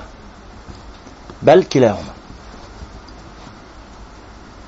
لو أن إنسان بذل كل ما يستطيع لم يوفق لكنه بذل. ألا نشفق عليه ونحبه لأجل بذله أنا بت- آه، بتكلم عن الاعظم الاعظم اثرا في القلب يعني أنا لما اتذكر اللحظات الصعبه ما بحسهاش مؤثره بقدر ما بت- بتذكر ان مثلا هذه اللحظات الصعبة الصعبة أثمرت خيرا بعدها. صدقت؟ على كل حال بما أتى بيته في الليل مرتعدا. ولم يكن من عظيم الخطب مرتعدا. وقد تدثر. لما قال دثروني زملوني غطوني. لا يدري رأى ملك ملكا من السماء دنا أم طرفه شردا. النبي عليه الصلاة والسلام لم يكن مصدق أنه نبي يا أخوان. النبي صلى الله عليه وسلم لم يكن عنده يقين في أنه نبي. كان متشكك. وقال كده السيدة عائشة آه، السيدة خديجة قال لها إيه؟ قال لقد خشيت على نفسي أنا خفت أموت ها، حسيت إن أنا آه، جننت يعني أصابني آه، أنا دماغي آه، تشوشت تفهمون هذا؟ ولذلك الله سبحانه وتعالى أنزل إليه أكثر من مرة آه، آه، يقول له إيه؟ فاعلم أنه لا إله إلا الله ويقول له فذكر إنما أنت مذكر ويقول له آه، ويقول له محمد رسول الله ويقول له آه ما أنت بنعمة ربك بمجنون إيه؟ ما أنت بنعمة ربك بمجنون. ما أنت بنعمة ربك بمجنون. وإن لك لأجرا غير ممنون. وإنك لعلى خلق عظيم. ها؟ فستبصر ويبصرون. هتشوف ما تخافش كده. فاهمين المعنى؟ فستبصر ويبصرون. بأيكم المفتون إن ربك هو أعلم بمن ضل عن سبيله. لأن هم بيقولوا لك إن أنت مجنون وبتاع. لا. سيبك من كلامهم. إن ربك هو أعلم بمن ضل عن سبيله وهو أعلم بالمهتدين. فلا تطع المكذبين. ودوا نفسهم. ودوا ولو تدهن فيدهنون. نفسهم إنك تسمع كلامهم عشان يمشوا وراك. اوعى تسمع كلامهم انت أقوى. ودوا ولو تدهن فيدهنون ولا تطع كل حلاف مهين. هماز مشاء بنميم مناع للخير معتد أثيم عتل بعد ذلك زنيم. أن كان ذا مال وبنين إذا تتلى عليه اياتنا قال أساطير الأولين سنسمه على الخرطوم. الآيات دي كلها يا أخوانا تثبيت لقلب النبي عشان هو شخصيا صلى الله عليه وعلى آله كان آه، الآن يعني فاهمين المعنى؟ صلى الله عليه. كتاب المظاهرة القرآنية بتاع مالك النبي. كان بيشرح الحالة النفسية للنبي عليه الصلاة والسلام. صلى الله عليه وعلى آله. وكل الأنبياء مش ربنا قال لسيدنا موسى اثبت أو ما تلك قال يا عصاي اتوكل عليها واشرب على غنمي وليها فيها. قال ألقاها يا موسى؟ فإذا هي حياة تسعى قال خذها ولا تخف. سنعيدها الصلاة الأولى والآية الأخرى فأوجس في نفسه خيفة موسى. قلنا لا تخف. إنك أنت الأعلى وألق ما في يمينك تلقف. ما صنعوا إنما صنعوا كيد ساحر. ولا يفلح الساحر حيث أتى فألقي السحرة سجدا. الآية الأخرى آه ولا مدبرا ولما آه ولم يعقب. يا موسى أقبل ولا تخف. إنك من الأمنين والآية الأخرى إني لا يخاف لدي المرسلون. أنتم مستوعبين المعنى. معلش طب هو الأولياء والصالحين برضه والأولياء والصالحين كذلك. إذا كان الأنبياء كذلك فكيف بالأنبياء بالأولياء؟ يعني الأمر اللي بيتعرض ليه؟ لأن الأمر اللي بيتعرض ليه أمر خطير جدا. وكذلك الأولياء يتعرضون للأمور الخطيرة. ا- اعذرني قليلا. عشان أنا نفسي أقف على موضوع. وأقول هذا المعنى و... هو المعنى لا يجتمع في قلب المؤمن خوفان ولا يجتمع في قلب المؤمن امنان هنا المعنى أنه من خاف من الله في الدنيا أمنه الله يوم القيامة. وليس معناها الأشياء المخيفة لأن الدنيا فيها أشياء كثيرة مخيفة. وهذا خوف الطبع. أن تخاف من الثعبان وأن تخاف من الوحش ونحو هذا. خوف الطبع. فلا يقال للذي يخاف من الثعبان أن قليل الإيمان. لا يقال الإنسان ألقيت على وجهه ثعبانا فخاف وفزع. فتقول له لا لو أنك مؤمن حقا ما خفت من الثعبان. لا. وقد تدثر لا يدري رأى ملكا من السماء دنا دنا أي اقترب. أم طرفه شرد يعني تشوش لا يدري وليس متأكدا من نفسه. بما رأى من عذاب هذا هذا من أصعب الأبيات. بما بما رأى يعني أنا أمدحه بما رأى من عذاب المؤمنين به. إن قيل سبوه نادوا واحدا أحدا. يعني شيء صعب جدا يا اخوانا على نفس النبي صلى الله عليه وسلم إنه انه هم يتعذبوا عشانه. وإنه يت- يتحمل هذا الأذى الشديد. ده أذى أصعب من أذى من الأذى المباشر. مين مين بيتألم أكتر المريض ولا أهله؟ أهله طبعا. مين بيتألم أكتر الاسير مثلا والمعتقل ولا أهله؟ أهله طبعا. يفضلوا يقولوا إيه يا ترى اللي بيحصل له هو قاعد بيهزر مع أصحابه جوه. بس هم براه ما مش قادرين يستحملوا. إنسان مريض قاعد في المستشفى آه رب ربنا مصبره وعايش. بس أهله أمه ولا ولا كده قلبها ياكلها عليه. أكتر منه أكتر من ألمه هو شخصيا صحيح ولا إيه؟ فالنبي صلى الله عليه وسلم هنا يرى المؤمنين يعذبون بسببه. مش عارف يعمل لهم حاجة. هم بيتشتموا عشانه. وإن قيل سبوه يلا شايفينه؟ اشتموه. ما يرضوش يشتموه ولذلك قال لهم كده قال له قال له إيه؟ إن عادوا فعد. سهل على نفسك. صلى الله عليه وعلى آله. إن قيل سبوه نادوا واحدا أحدا. يكاد يسمع صوت العظم منكسرا.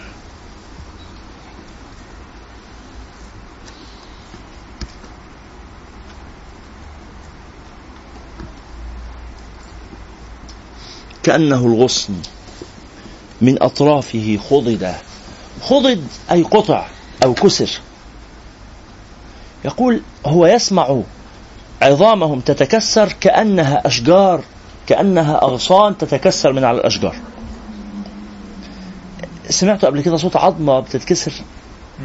متخيلين صوت عظم بني آدم جنبك بيتكسر؟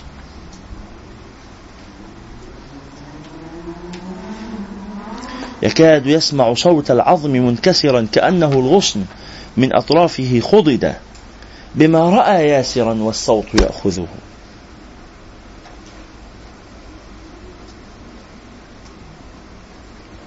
يقول أنت إمامي كلما جلد.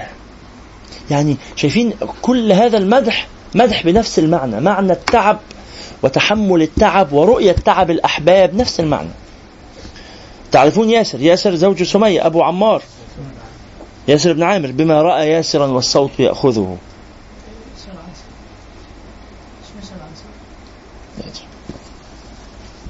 يقول أنت إمامي.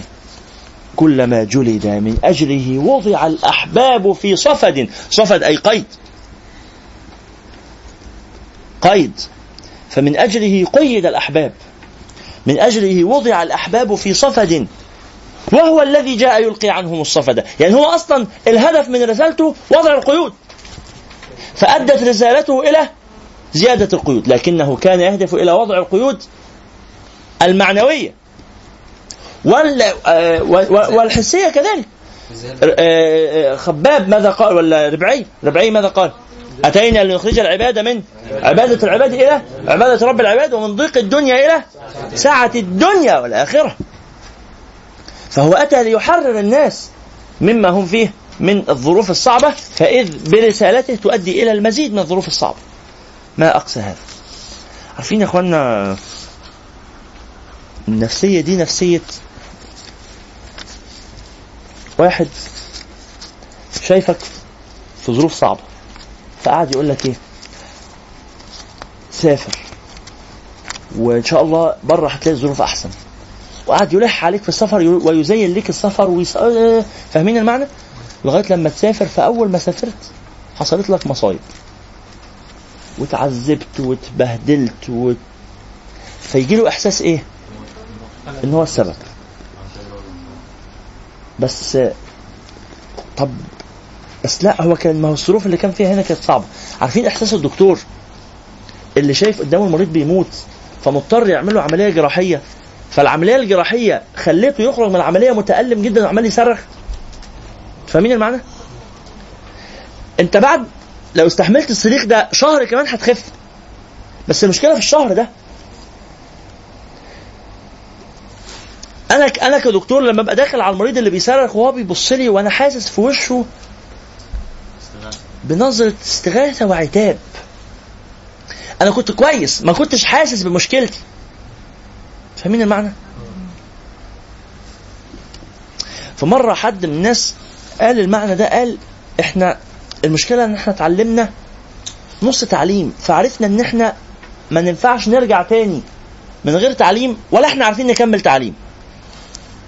فاهمين المعنى ده؟ عملنا نص ثورة فحسينا بمعنى الحرية لا إحنا عارفين نرجع تاني عبيد إحنا كنا عبيد ومستريحين. يعني مش حاسين مشكله وبعدين ريحة حرية. قام كسر لك مناخير. أنا لسه فاكر الريحة بس مش قادر أشمها فاهمين المعنى ده؟ فالنبي صلى الله عليه وعلى آله وهو يرى أحوال هؤلاء المؤمنين اللي أنا آسف كأن لسان الحال عند البعض عايز يقول كنا كويسين. كنا كويسين. إحنا كنا أحسن من غيرك. على فكرة قالوا كده. قالوا أوذينا من قبل أن تأتينا ومن بعد ما جئتنا يعني الأذى الأولاني ما كنا مستحملين ليه الأذى يزيد؟ الاحساس ده لما قالوا لاهل المدينة بعد فتح مكه اللي هو أنهي؟ اللي هو لما قال لهم يعني أنا جئتكم بالرساله وكده فقالوا لهم "أل- ألا تجيبونني آه ده يوم الفتح. فأجاب عنهم يعني فهو يعني آه يوم الفتح. يوم الفتح صدقت. الحديث ده خطير جدا. لا يعني قصة طويلة ومش هنقولها دلوقتي بس قصة هنقولها في التاريخ. قصة مهمة جدا بس مش دلوقتي. آه، نرجع تاني بس عشان وقتنا عايز نقف على عدد من الأبيات أكتر شوية. آه، وصلنا لفين بس؟ كان في معنى بنقوله. وهو الذي آه ف... فقالوا أوذينا من قبل أن تأتينا ومن بعد ما جئتنا قال عسى ربكم أن يهلك عدوكم ويستخلفكم في الأرض فينظر كيف تعملون. اصبروا شوية وعلى الله فتوكلوا إن كنتم آه، مؤمنين. فثبتوا. قالوا على الله توكلنا ربنا لا تجعلنا من القوم الظالمين. بس, بس الشاهد هي هي الحالة دي يا إخوانا. حالة إيه؟ حالة إنه الوضع الإحساس بالذنب إنه والله أنا عايز أعمل لهم حاجة حلوة. أنا أنا قصدي والله قصدي خير بس هم أنتوا فاهمين الحالة صح؟ هذه الحالة الصعبة التي كان فيها رسول الله ومع ذلك لا هو عارف. إنه لا معلش كان لازم نعمل العملية. فعارفين الفرق ما بين القناعة العقلية والشعور القلبي؟ أنا عارف إن لازم العملية تتعمل أنا عارف إن لازم أبطر لك إيدك. بس أنا بعد ما ابطرت إيدك غصب عني لما بشوفك بتبص على دراعك اللي اتقطع وزعلان ما أنت بتصعب عليا. بس برغم كونك صعبان عليا أنا عارف إن هو ده الصح. من أجله وضع الأحباب في صفد وهو الذي جاء يلقي عنهم الصفد لم يبق في قلبه صبرا ولا جلدا تلقينه المؤمنين الصبر والجلد. يعني هو بيعلم المؤمنين إزاي يصبروا. بس التعليم الكتير للمؤمنين كيف يصبرون؟ كأنه انفت صبره. مش معناها إنه ما كانش عارف يصبر. بس استهلك. استهلك. تعب. تعب وهو عمال يقول لهم استحملوا استحملوا. لغاية إمتى استحملوا؟ لغاية إمتى استحملوا؟ بنتعذب استحملوا. عمه يموت بسبب الجوع بسببه. ها؟ ومراته تموت بسبب الجوع. مراته. مراته خديجة صاحبة المال. أنتوا مستوعبين؟ امرأة شريفة في قومها. وتخرج تقعد في الصحراء لا بيت ولا خيمة وتفضل قاعدة ثلاث سنين في الصحراء ومش لاقية تاكل. ويروحوا بالفلوس يشتروا يقولوا مش هنبيع لكم. بسببه. ثقيلة على نفسه صلى الله عليه وسلم. لدرجة إن هو في مرة من المرات قال لعمه قال له سلمني ليهم. أنتوا فاهمين الحالة؟ يعني هو شاف عمه تعذب كتير قوي. عمه ده أبوه يعني. فقال له خلاص يا عم يعني أتسلمني؟ خ- خلاص. وعمه صعب عليه الموقف. وقال قل ما تشاء والله لا اسلمك لهم أبدا. بس بس الأمر ثقيل على نفسه صلى الله عليه وعلى آله. لم يبق في قلبه صبرا ولا جلدا. تلقينه المؤمنين الصبر والجلد. بما تردد في ضلعيه من قلق. شوف بقى كل اللي فات ده تعب وألم. بس اللي جاي يبدو إنه تعب أكبر.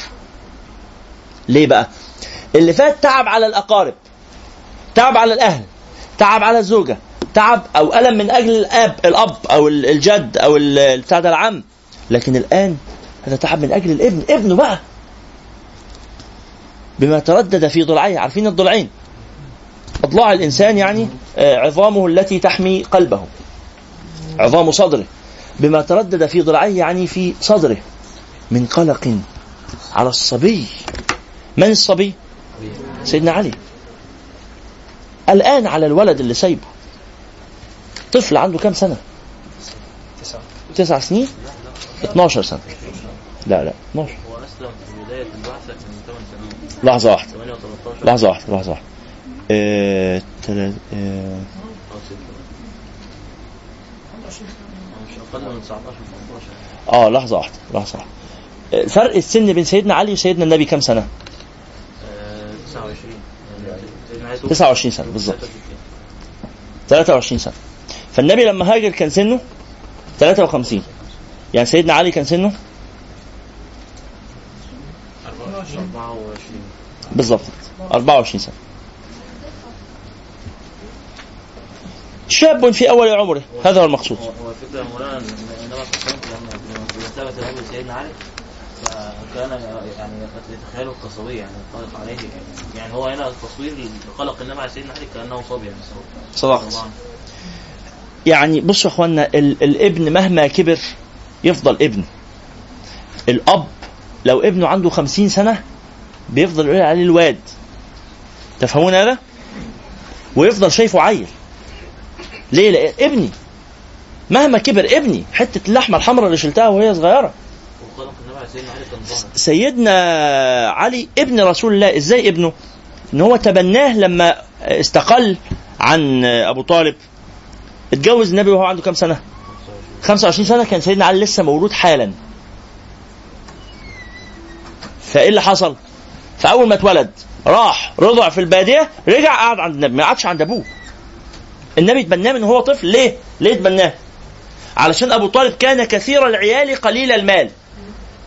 فتخفيفا على عمه أبو طالب إنه كثرة ال- ال- الأعباء المالية وبتاع فتبنى ابنه فأخذ فسيدنا علي من وهو حتة عيل صغير لسه مولود عايش كل حياته مع النبي فاهمين؟ ده هو لا هو اتولد بعد ما النبي اتجوز بسنتين بكم؟ بأربع سنين اتولد بعد زواج النبي بأربع سنين ها؟ هو سيدنا علي البعثة كان كام سنة؟ تسعة آه. تسعة تسعة؟ أسلم وعنده تسعة طيب. بعد زواج النبي بست سنين إزاي؟ هو عشان يبقى مش بعد النبي عليه الصلاة والسلام مقترب من زواجه وبعثته 15 عاما صح وهو كان عنده تسعة شيل تسعة من ال 15 يتبقى سبعة أو ستة ستة صدق يعني على كل حال بعد زواج النبي بست سنين الولد ده اتولد فعايش ك... أنتوا فه... مستوعبين الحالة صح؟ ابني تماما حتى مولانا في الخندق لما عمرو بن ود كان يقول حد يخرج يورثني كان كان يا سيدنا علي يحب يخرج فسيدنا النبي يقول له إيه؟ اجلس يا علي إنه عمرو إنه ع... أنت مش واخد بالك ده مين؟ أنت لسه صغير. يعني على كل حال. آه... سؤال هنا جاي بيقول المعنى الذي أتحدث عنه هو عندما تتألم في مقابل تنتظر في النهاية ليس كما تتألم فقط صحيح وليس هناك مقابل تنتظر في المستقبل صحيح صحيح بدون شك مثلا عندما إلى آخره طبعا بدون شك صحيح. طيب على كل حال. فهنا النبي صلى الله عليه وسلم متردد أو قلق قلق على حال هذا الإيه؟ الصبي. رغم إنه كبير السن عنده 25 ولا عنده 4 عنده 24 سنة في الموقف ده.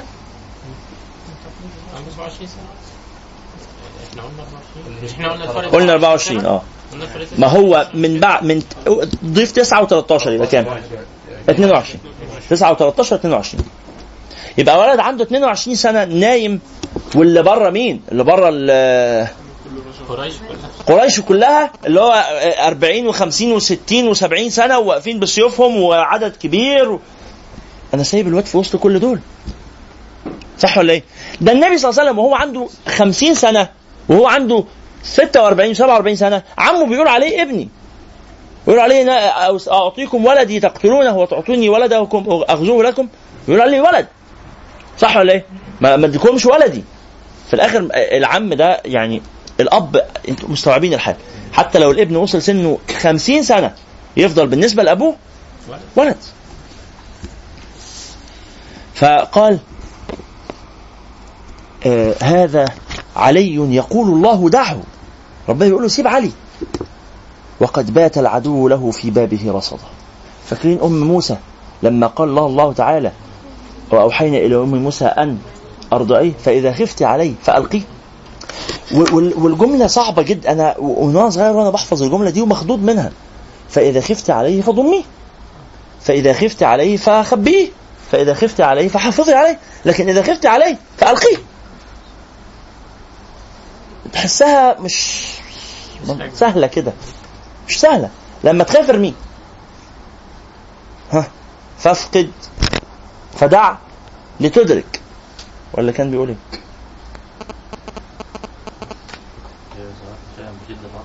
لا نسيت.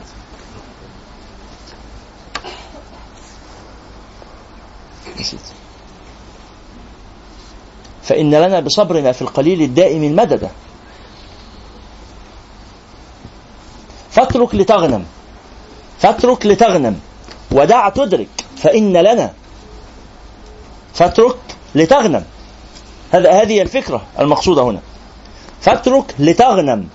ودع تدرك فإن لنا. بزهدنا في القليل الدائم المدد. بزهدنا في القليل الزائل المدد عفوا. بزهدنا في القليل الزائل المدد واضح؟ هذا على نفس زنة الأبيات يعني. هذا علي يقول الله دعه وقد بات العدو له في بابه رصدا اسيبه اسيبه الناس دي كلها واقفة يقتلوه بدر وضي رضي من جراءته لنومه تحت أسياف العدا خلد. وضي أي جميل الوجه. وجهه وضيء أي جميل. الوضاء هي الوضوء من الوضاء وهو الحسن والجمال. فهذا بدر هذا الولد الجميل بدر. يعني كالبدر. وضي يعني وضيء جميل. رضي يعني أنا أرضاه وأرضى أخلاقه وهو يرضاني ويحبني. رضي الله عنه وهو رضي عن الله بدر وضي رضي من جراءته لنومه تحت أسياف العدة خلد ما الذي خلده؟ خلده أنه تجرأ للنوم تحت أسياف العدة. نفس المعنى لم يصل الظبي. خلد أي بقي مخلدا إلى يوم القيامة. يعني هو آه، خلد ذكره بقي ذكره. هو لو كان حافظ على حياته وما نامش تحت السيوف كان مات. صح ولا إيه؟ ومن لا يعترض؟ يسأم ويهرب. أيوه وتسلمه المنون إلى انقطاع. يعني من لم يمت بالسيف مات بغيره كده كده هيموت لكنه لما عرض نفسه للموت كتبت له الحياة. ولذلك يقولون إيه؟ اطلبوا الموت توهب لكم الحياة. توهب لكم الحياة. حياة دائمة. فهذا الذي ضحى بنفسه تحت اسياف العدا بهذه التضحية خلد. اطلبوا الموت يعني ضحوا بأنفسكم في سبيل الله في الجهاد. هذا هو المقصود طبعا. ما تنتحروش يعني. لا يعني ضحوا بأنفسكم في سبيل الله تعالى في ساعة الجهاد. فهذه التضحية بالنفس تؤدي إلى حفظ النفس. التضحية بالنفس تؤدي إلى حفظ النفس.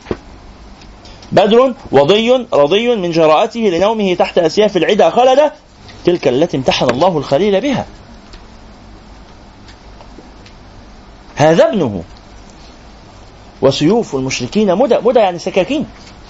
مش ربنا قال سيدنا إبراهيم اذبح ابنك؟ ما هو قال لسيدنا محمد اذبح ابنك برضه. صح ولا إيه؟ تلك التي امتحن الله الخليل بها. بس أنهي الأصعب؟ بيتهيألي إن هو يذبحه بإيده. أنهي الأصعب؟ إنه يذبحه بإيده ولا يسيبه يتقتل؟ أنا أظن يذبحه بإيده أصعب. بس الاثنين صعبين. أذبحه بإيده بإيدي. أذبحه بإيدي بالراحة ولا اسيبهم يقطعوه حتت؟ وبعد ما يقطعوه هيمثلوا بجسمه كمان ويعلقوه. عريان. أذبحه بإيدي صعبة. بس جدا. والتانية كمان صعب. ما أعرفش. يعني بالنسبة للعرب بالنسبة للعرب أنهي أشرف؟ اذبحه بايدي طبعا. أنا اللي قتلته آه، آه، آه، مش كده ولا إيه؟ أنا اللي قتلته لكن أنتوا اللي تقتلوه؟ تقتلوا لي ابني؟ عبد الله بن أبي سلول راح قال كده. قال مرني أنا أقتله. آه في النهاية أنا اللي يريح قلبي. أنا هبقى متألم لو قتلته. بس هبقى أشد الما لو غيري قتله. أنا مش عايز أقول ان إن قتل الابن بالإيد سهل. لا ده صعب جدا. بس أصعب منه إنك تسلمه لغيرك يقتله. صح ولا إيه؟ القلق الناجي إيه؟ يعني مش عارف إيه قبل ما يعني. بالظبط مش عارف هيعملوا فيه إيه قبل ما يقتلوه. هيعذبوه هيعلقوه هيقطعوا له إيديه ما أعرفش. فأنا أقتله بإيدي قتل مريح له وأشرف ليا أحسن. مش عايز أقول إن انت فاهمين المعنى؟ مش عايز أقول ان قتل الابن بالايد سهل. ده صعب جدا. بس أصعب منه إنك ترميه. أصعب منه إنك ترميه. وفي الموقف ده اجتمع الأمرين. رماه واحتمال يتقتل. هذا ابنه وسيوف المشركين مدى بخوفه عن قليل حين أبصره فتى يذوق الردى من راحتيه ردى يعني سنمدح رسول الله بأمر عجيب جدا بخوفه على هذا الولد. بعد قليل بعد أي يعني هذا الموقف بسنتين بس. صح ولا إيه؟ بعد هذا الموقف بسنتين أبصره فتى يذوق الردى من راحتيه ردى الردى هو الموت. هذا الفتى أصبح يميت الموت. أصبح هذا الفتى بعد سنتين عن قليل يعني بعد فترة بسيطة عن عن قليل يعني بعد سنتين اللي هي غزوة أحد؟ غزوة بدر عفوا. غزوة بدر. بعد الموقف ده بسنتين. بيقول الولد ده النبي عليه السلام شافه ابنه شافه بعد سنتين فتى. قوي؟ يذيق الردى من راحتيه. راحتيه يعني يديه. راحتيه يعني يديه. فهذا الفتى أصبح يذيق الموت موتا. تفهمون هذا؟ لا. فتى آه يذوق. آه يذوق الردى بالضبط. أن الردى أي الموت يذوق من يد هذا الفتى موتا. فهمتم؟ لا لم تفهموا. في حد بيقول لما أفهم. حاضر. الردى كأن الردى شخص.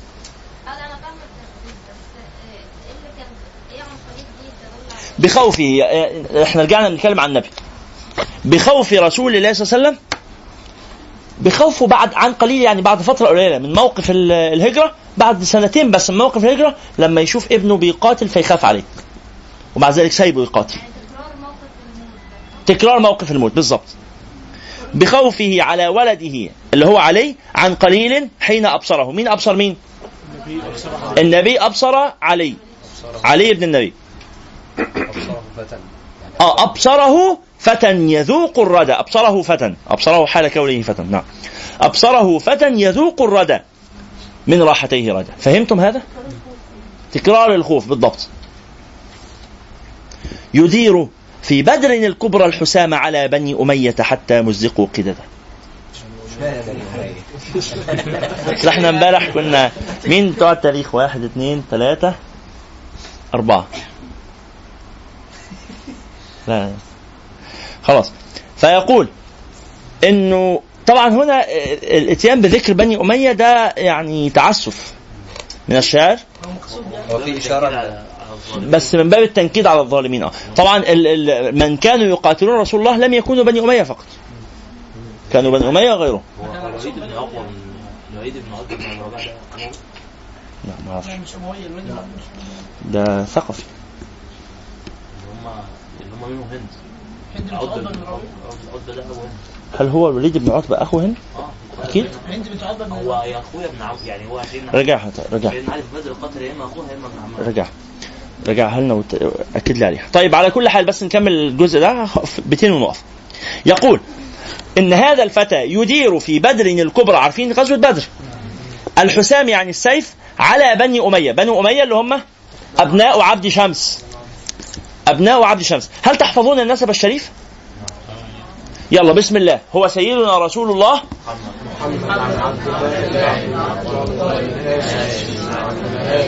صيد بن كلاب بن مرة بن كعب بن غير بن غالب بن فهر بن مالك بن نضر بن كنانة بن خزيمة بن مدركة بن إلياس بن مضر بن مضر بن معد بن الأخوات وحدهن هو رسول الله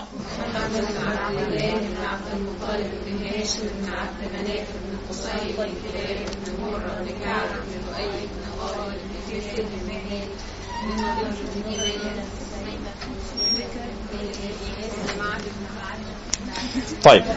السؤال اللي في الآخر. طيب خلاص. آه، يبدو ان البيت ده هيحتاج مننا وقفة. تعرفون عبد شمس؟ من عبد شمس؟ طيب إحنا يعني سنتوقف حول كلمة من هم؟ بنو أمية نرسم الشجرة. يعني نجعل هذا في آه، قال يدير في بدر الكبرى الحسام على بني أمية حتى مزقوا قددا وعنده تربة. جبريل قال له بأن أولاده فيها غدا شهداء بما بكى يوم إبراهيم مقتصدا ولم يكن حزنه والله مقتصدا. يخفي عن الناس دمعا ليس يرسله والدمع باد سواء سال أو جمد أو جمد بمن تحى لأبي بكر يطمئنه وحول غارهما حتى الرمال عدا. يقول يا صاحي لا تحزن ودونهما. على على لأنفاس خيل المشركين صدى بما تفرس مختارا صحابته وهو الوكيل على ما قال على ما اختار وانتقد صلى الله عليه وعلى آله. كل هذا نقرأه في اللقاء المقبل. يبقى إحنا المرة اللي جاية هنبدأ من أول قوله يدير في بدن الكبرى الحسام على بني أمية حتى مزقوا كده هذا وصلى الله على سيدنا محمد.